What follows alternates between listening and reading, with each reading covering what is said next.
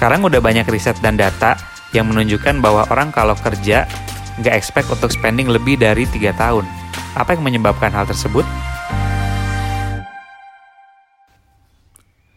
Hai guys, welcome to Decision Making Podcast with me, Irfan Agia. Sebuah podcast tentang bagaimana kita bisa lebih baik dan juga lebih bijak dalam mengambil keputusan dalam kehidupan kita sehari-hari. Dibahas dari berbagai perspektif, terutama keilmuan psikologi dan behavior science. Karena hidup adalah akumulasi dari pilihan-pilihan yang kita ambil. Summary dari setiap podcast ini akan selalu dibagiin dan di-share di fitur Insta Stories. Jadi nanti bisa cek aja summary-nya di Instagram at irfan underscore agia. Oke, di episode ke-26 ini kita bakal bahas tentang job hopping atau istilah yang sering didengarnya adalah kutu loncat yaitu orang-orang yang pindah kerja dari satu tempat ke tempat lain dalam waktu yang relatif cukup singkat.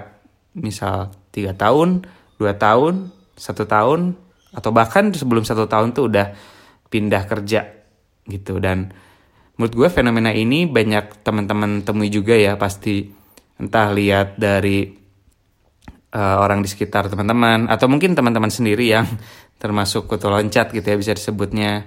Nah, kalau gue pribadi pun gue kalau by definition gue adalah seorang job hopper. Sebenarnya selama kurang lebih tiga tahun lebih lah kerja gitu. Gue paling lama itu kerja sekitar hampir dua tahun. Itu misalnya setahun dua tahun gitu. Belum pernah yang lebih dari dua tahun. Gitu. Dan ya motivasi sama alasannya kan pasti beda-beda ya.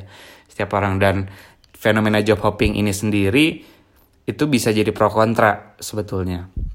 Jadi banyak yang menganggap kalau job hopping itu normal, udah nggak zaman lah misalnya seseorang itu kerja mengabdi lah ya gitu di perusahaan atau di startup atau di tempat kerja dalam waktu yang cukup lama gitu lima tahun tujuh tahun 10 tahun. Sekarang itu orang mungkin maksimal tiga tahun 4 tahun gitu. Jarang ada yang misalnya lebih dari lima tahun itu wajar karena opportunity semakin banyak gitu kan Terus juga job roles job roles itu mulai banyak yang baru dan udah mulai multidisipliner sehingga udah nggak jadi monopoli beberapa background tertentu doang gitu. Misal di psikologi misal kalau di dulu kita menganggap divisi HR itu adalah monopolinya orang psikologi gitu. Karena kan ngurusin uh, human resource ya. Dan memang kalau di S1 psikologi kita banyak belajar juga sih tentang keilmuan HR tapi ternyata nggak semua HR itu sekarang backgroundnya lulusan psychology. Ada yang dari manajemen ada yang dari hukum ada yang dari akuntansi gitu. Dan itu sebenarnya secara nggak langsung membuat uh, job landscape itu semakin open gitu. Jadi orang merasa opportunity lebih banyak dibandingkan uh, zaman-zaman sebelumnya. Terus kontranya kalau dari sisi employer atau perusahaan atau orang-orang yang merekrut talent-talent ini. Mungkin banyak yang ngerasa kalau ya jadi jadi wasted lah kasarnya ya. Kalau kita mau invest gitu kita training uh, di talent ini gitu ya ngasih training terus uh, apa dibina sedemikian rupa oleh berbagai uh, manajemen dan ternyata eh udah 2 sampai tiga tahun gak lama udah cabut gitu kan. Jadi memang fenomena ini bisa menuai pro kontra juga tapi menarik untuk dibahas karena itu tidak lepas dari kehidupan kita sehari-hari terutama untuk working life ya Nah, jadi ada beberapa interesting statistik.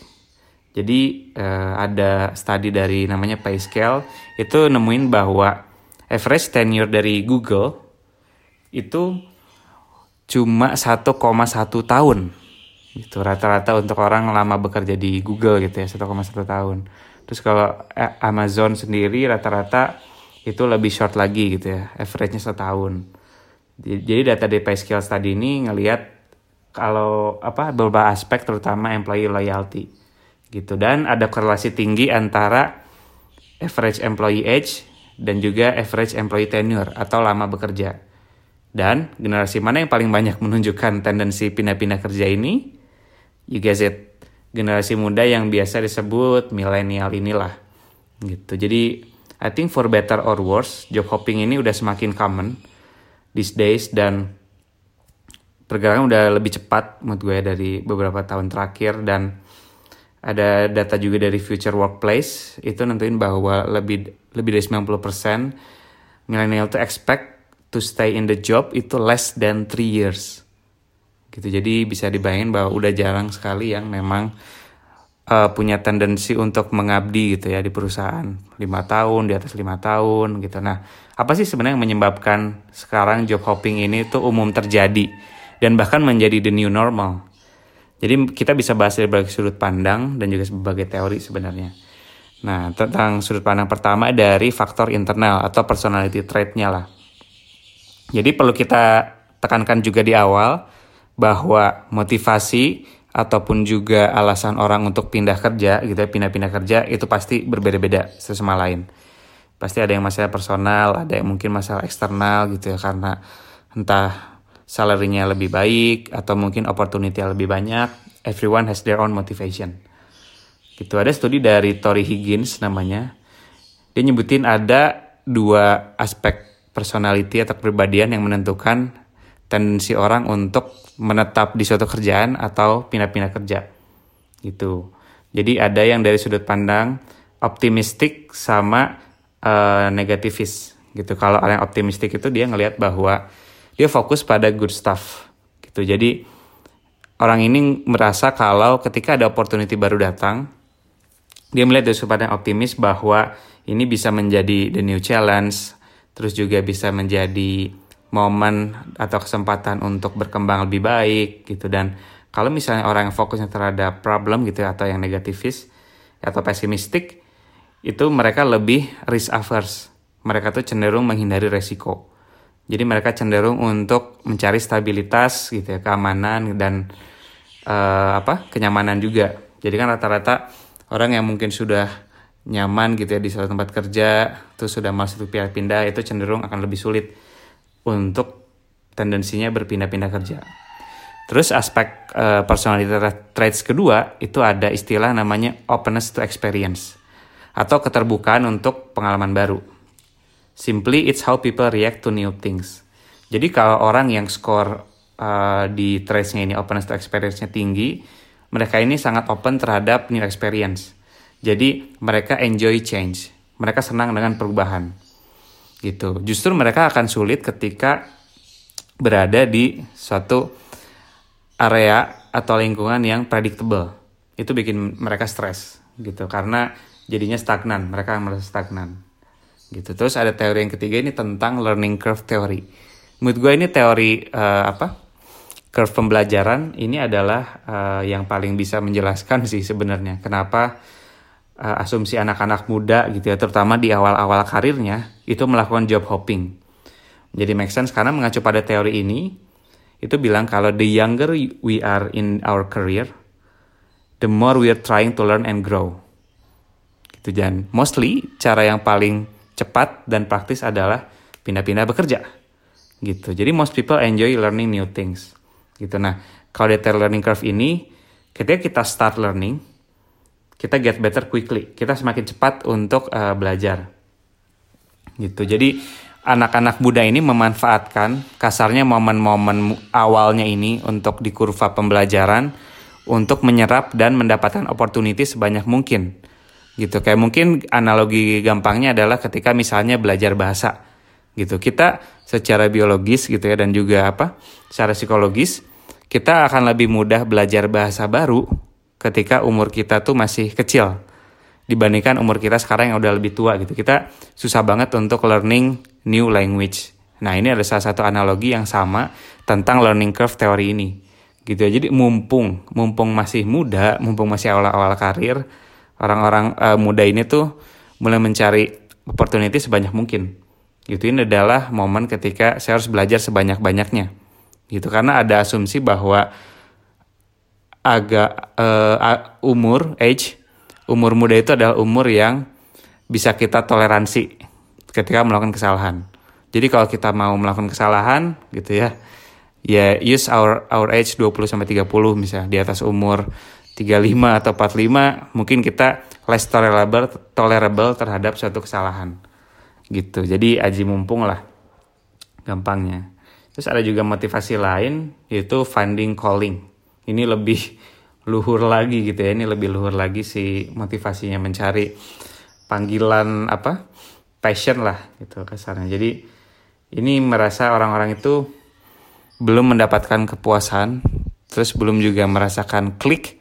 Ini kayaknya tempat kerja yang cocok buat gua misalnya. Jadi mereka akan mencari karir dan juga tempat kerja yang akhirnya bisa klik dan juga uh, bisa relevan dengan long term uh, plan mereka kayak gitu. Nah, terus sebenarnya ketika kita sudah tahu berbagai motivasi di belakangnya, pertanyaan selanjutnya adalah apakah job hopping ini healthy atau how much is too much for job hopping? Job hopping ini akan dikatakan negatif ketika sudah mencapai batas seperti apa sih pindah-pindah kerja ini? Gitu seperti yang tadi sudah dibahas kontra dari job hopping ini adalah di perusahaan. Perusahaan akan menganggap orang-orang yang sering banget pindah-pindah kerja ini tuh takutnya akan muncul ketakutan bahwa wah kayaknya ini untuk short term doang nih orang ini. Kita nggak perlu invest banyak di orang ini karena kita tahu ujung-ujungnya juga dua, dua tahun lagi, satu sampai dua tahun lagi dia udah pindah. Kayak gitu. Ini yang bikin tim talent recruitment itu sakit kepala lah ya di age sekarang ini ketika talent ini menjadi apa tantangan untuk meretain atau membuat talent ini stay untuk waktu yang lama di suatu perusahaan. Itu ada perspektif menarik dari psikolog klinis namanya Joel Low. Dia ngasih tahu bahwa ada difference perbedaan antara healthy job hopping dan juga unhealthy job hopping. Ini yang udah nggak sehat lah tendensi untuk pindah-pindah kerjanya gitu. Jadi of course changing job itu is not a bad thing. Terutama di waktu muda ketika kita masih hungry for experience gitu ya. Masih butuh banyak exposure. Dan ketika orang melakukan ini some people do do it because they think they deserve better. That's fine. Tapi ketika misalnya dalam dua tahun terakhir ini ya kita udah mengganti sampai 6 sampai 7 kali kerja I think we can start asking ourselves what is it are we looking for gitu mungkin ini terdengar ekstrim gitu ya untuk 6 sampai 7 kali pindah kerja di selama 2 tahun ini. Jadi sebenarnya unhealthy job hopping itu adalah ketika orang tersebut itu ngerasa tidak pernah settle down atau tidak pernah selalu puas di suatu pekerjaan. Gitu. It's about satisfaction. Gitu. Jadi if no matter how many jobs you hope gitu ya, kalau pindah-pindah you never satisfied, that could be a red flag. Ini mungkin tanda-tanda kita harus waspada gitu. I think it, it's a feeling that you are missing out on something. Kenapa? Karena pindah-pindah kerja itu ya, itu tuh bukan suatu hal yang mudah gitu ya. Experience myself, gue udah dua kali pindah kerja dalam kurun hanya tiga waktu tiga tahun, itu tuh nggak mudah gitu. Gue tuh paling apa ya berat ketika misalnya nulis resignation letter, terus juga izin ke manajer untuk akhirnya minta restu pindah kerja. Terus juga yang udah nyaman sama lingkungan kerja harus adaptasi lagi gitu ya. Atau mungkin misalnya ketika lokasinya berbeda itu ada mungkin yang harus pindahan lah gitu kan. Terus juga perlu settle lagi lingkungan baru. Dan gue udah ngerasain tiga uh, kultur berbeda dalam tiga tahun terakhir gue kerja. Gue pernah kerja di perusahaan yang family business gue pernah kerja di perusahaan multinational company. Gue juga udah pernah ngerasain kerja di uh, sektor atau aspek BUMN bisa bayang dalam tiga tahun terakhir itu I think I'm the job hopper maybe. Udah gue ngerasain experience tiga culture dan tiap kali gue ganti kerja gue harus adapt lagi. So changing jobs itu can be maybe quite a stressful event. Dan bayangin ketika lu dalam hanya 2 tahun bisa ganti 5-6 kali kerja. I don't know how you survive it gitu. Either you have a very strong adaptability skill gitu ya. Atau mungkin ya itu lu tidak pernah puas gitu. Sehingga lu selalu mencari tempat yang memenuhi keinginan atau ekspektasi lo kayak gitu. Jadi ketika orang itu udah sering jumping itu kan menurut si apa psikolog klinis ini si Joel itu bisa jadi unhealthy. Kenapa? Karena terutama kalau kita lagi ada tanggungan gitu atau lagi ada uh, tagihan yang harus kita bayar. Misalnya kita lagi cicilan, gitu kita lagi cicilan KPR rumah atau cicilan mobil gitu ya, atau kita lagi ngambil apa KPR KTA di bank. Ketika kita selalu pindah-pindah, akan ada masa ketika kita tidak punya penghasilan tetap yang uh, yang stabil gitu. Itu akan menjadi notes tuh untuk uh, apa? Hmm, track record dari finansial kita. Kayak gitu. Kalau kita constantly in transition. Gitu lu bayangin aja nanti ngurus pajak itu berapa SPT pajak tuh yang harus diurus. Gitu. Jadi itu perlu kita pertanyakan lagi sih. Ketika kita tidak selalu merasa puas ketika bekerja di suatu perusahaan. Gitu. Terus ada beberapa aspek yang ini terutama menyoroti milenial ya anak-anak muda kalau menurut psikolog klinis si Joelo ini ada tiga faktor yang mungkin menjadi alasan bapak anak muda atau orang-orang yang job hopping ini tuh merasa lack of fulfillment or lack of direction gitu. Yang pertama adalah impatient and wanting fast result. Ketidaksabaran dan keinginan kita untuk mendapatkan hasil yang cepat gitu. Jadi ketika kita kerja udah tiga bulan, 4 bulan, wah ini kayaknya nggak gua banget deh. Gitu ini gue nggak cocok sama bosnya ternyata gue cocok sama birokrasi di sini gue nggak cocok sama tim-timnya. Padahal lu baru just give it three or four months gitu ya. Jadi kita ngerah kita berharap langsung klik di awal-awal kita kerja gitu. So it's impatient and we wanting a fast result terus yang kedua faktor kedua adalah anak-anak muda terutama milenial ini dibilangnya adalah kita punya constant need untuk comparing and try to keep up with our peers gitu atau our relation. Gitu. After all sosial sosial media itu provides a window atau jendela untuk kita ngelihat kehidupan orang-orang di sekitar kita. Dengan ada internet sosial media kita ngerasa kita tuh dibentuk mindset bahwa everyone should be amazing and have an awesome life gitu. Jadi sebenarnya untuk perkembangan zaman sekarang sosial media juga on the good hand kita punya banyak opportunity untuk brand presence kita atau personal branding kita gitu. Kita bisa personal branding di Instagram, terutama di LinkedIn gitu ya. Through through teknologi dan sosial media gitu. Kita bisa raise money, kita bisa nemuin jobs via LinkedIn atau Twitter. Itu ada aplikasi-aplikasi yang berguna sebenarnya untuk kita. But at the same time, itu juga meningkatkan anxiety kita, kecemasan kita karena lihat aja misalnya smartphone teman-teman sekarang gitu ya. Kita punya banyak apps yang menunjukkan kita everyone having a cool life. Gitu. Mungkin 30 tahun lalu gitu ya, 20 tahun lalu kecuali kita angkat telepon gitu ya. Kita nggak akan pernah tahu apa yang teman-teman kita lakukan gitu ya. In day to day basis. Sekarang we see it every second. Kita bisa dengan mudah lihat orang-orang lagi ngapain, kerjanya gimana, apa yang udah mereka achieve, mereka lagi liburan ke mana aja dan sebagainya. Dan kita mulai comparing, wah kok gue gini-gini aja ya. Temen gue umurnya udah sekian, terus juga udah dapat kerja, udah levelnya apa, udah gaji sekian. We constantly comparing ourselves to other people.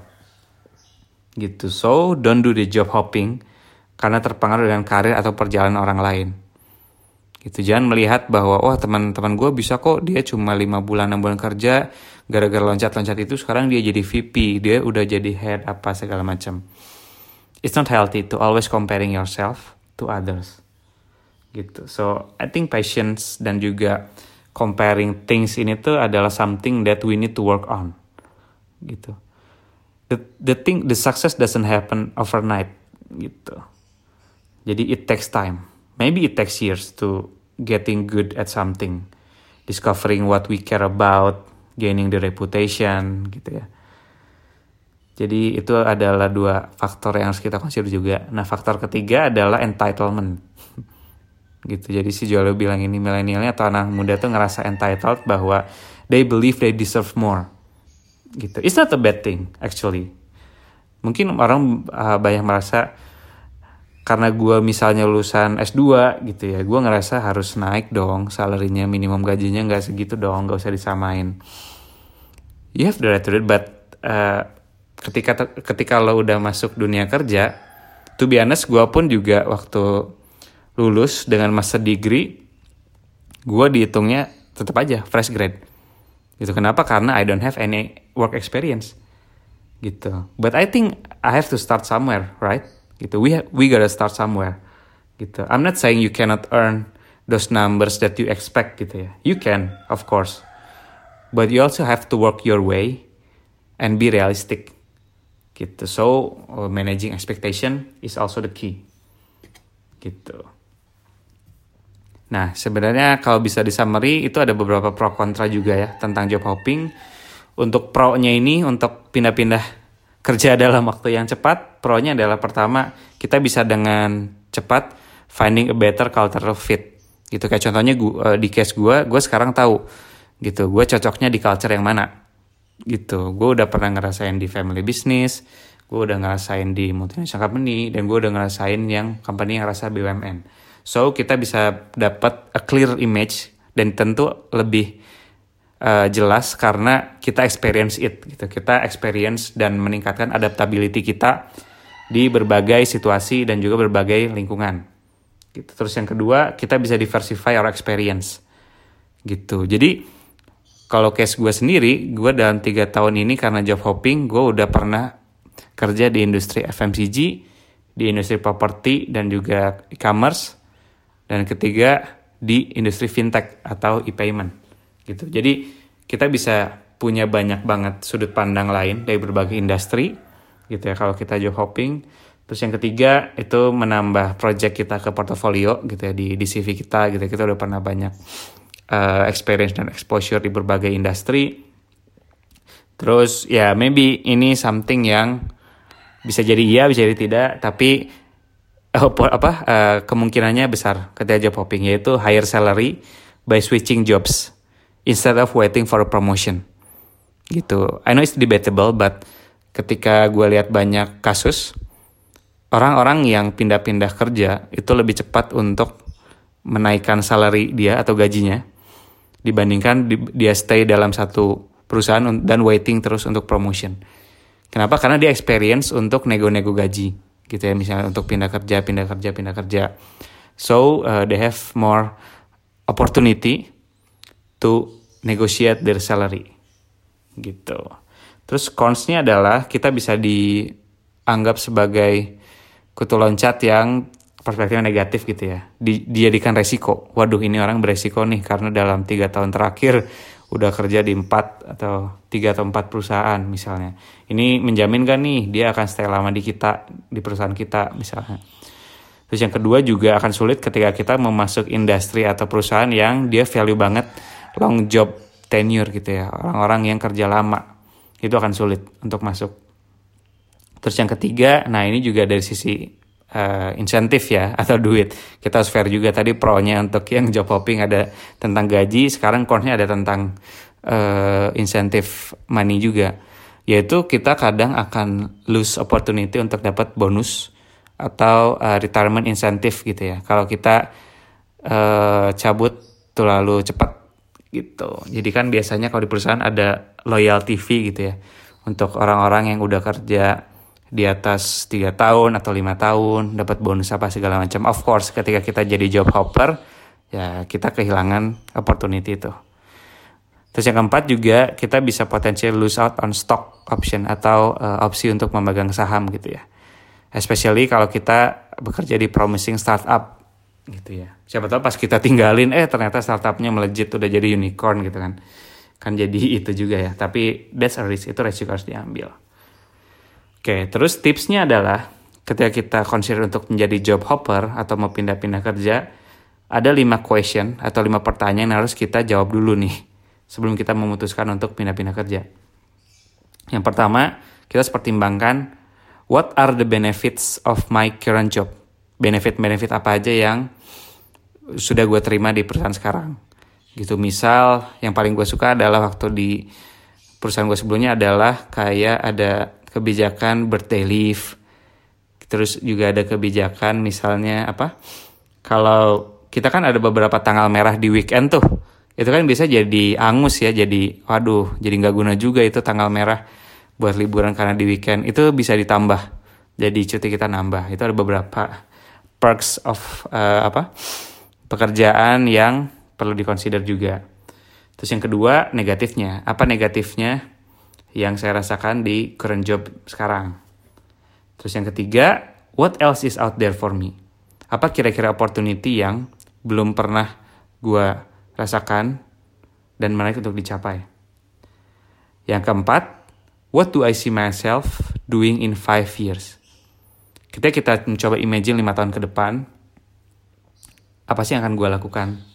Gitu, gue imagine gue akan kerja di mana, sektor apa, atau gue mau jadi spesialis, atau mau jadi generalis, whatever, itu bisa menjadi uh, apa decision making tools yang bagus untuk kita consider.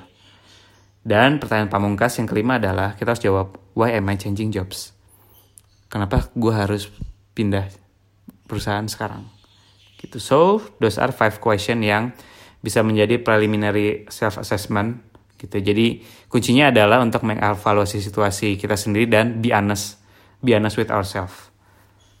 Kayak gitu.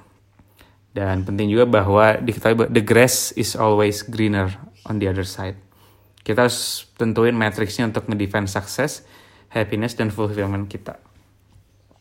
Dan Oke, okay, setelah misalnya lo udah konser, oke okay, gue udah mau cabut nih, gue mau pindah kerja. Gitu. The, the next challenge adalah untuk meyakinkan interviewer lo nanti ketika akan kerja. Kenapa lo kan pasti ditanya tentang misalnya job hopping fenomena ini. Nah ini ada beberapa tipsnya adalah yang pertama positioning yourself correctly. Jadi jawaban-jawaban apa pun yang kita uh, lontarkan ketika nanti dijawab itu harus revolve around personal growth gitu ya. Jadi gue pindah karena utamanya adalah untuk personal growth misalnya. Contohnya misalnya yang pertama uh, affinity for certain industry. Contohnya misalnya kita harus menunjukkan bahwa gue passionate banget di industri ini. Gitu. Contohnya kita bisa bilang bahwa uh, bisa gue mau kerja di salah satu perusahaan traveling gitu ya atau tiket apps gitu. Gue bisa bilang I'm a passionate traveler gue itu senang liburan gue senang traveling gitu ya. Gue senang banget soal traveling misal dan working sebagai consumer researcher di industri ini akan menjadi perfect intersection dari skill dan juga interest gue. Kayak gitu. Tips yang kedua adalah desire to work in a new work environment. Tunjukin kalau kita tuh punya ketertarikan di lingkungannya lingkungan kerjanya. Contohnya misalnya gue bisa bilang saya sudah pernah bekerja di BUMN sebelumnya dan di industri startup gitu. Dan saya punya great experience sebelum-sebelumnya. Di BUMN positifnya begini, di startup positifnya begini. Tapi sekarang saya mencoba mencari uh, variasi dan uh, intensity dari bekerja di agency. Karena bekerja di agency itu adrenalinnya berbeda, lebih tertantang misalnya. Kayak gitu. Yang ketiga, interest di different types of project gitu. Jadi fokus sama project-projectnya. Jadi misalnya gue bisa bilang bahwa di pekerjaan gue terakhir gue sempat ngedesain untuk uh, website misalnya. Dan gue enjoy banget untuk ngelakuin user research. Misalnya enjoy banget untuk minta orang-orang nyobain website kita feedbacknya apa. So ketika gue akan bekerja di sini hopefully misalnya menjadi UX researcher atau designer ini bisa memberikan gue opportunity lebih untuk bekerja membuat mobile apps which I'm very passionate about Misalnya kayak gitu. Terus yang keempat, yang terakhir adalah tunjukkan kalau kita senang atau tertarik dengan tim structure-nya. Atau struktur dari tim company yang akan dilamar, dilamar sana gitu. Contohnya bisa bilang gini, di pekerjaan sebelumnya saya bekerja di small teams. Atau bahkan solo designer, gue bekerja sendiri. So I'm excited that ketika gue ngelihat uh, structure di company ini, di tim di tim nanti, kita akan punya tim of copywriter, kreatif, dan tim campaign at the same structure. So it will be a new experience and I believe it will benefit me and also the team.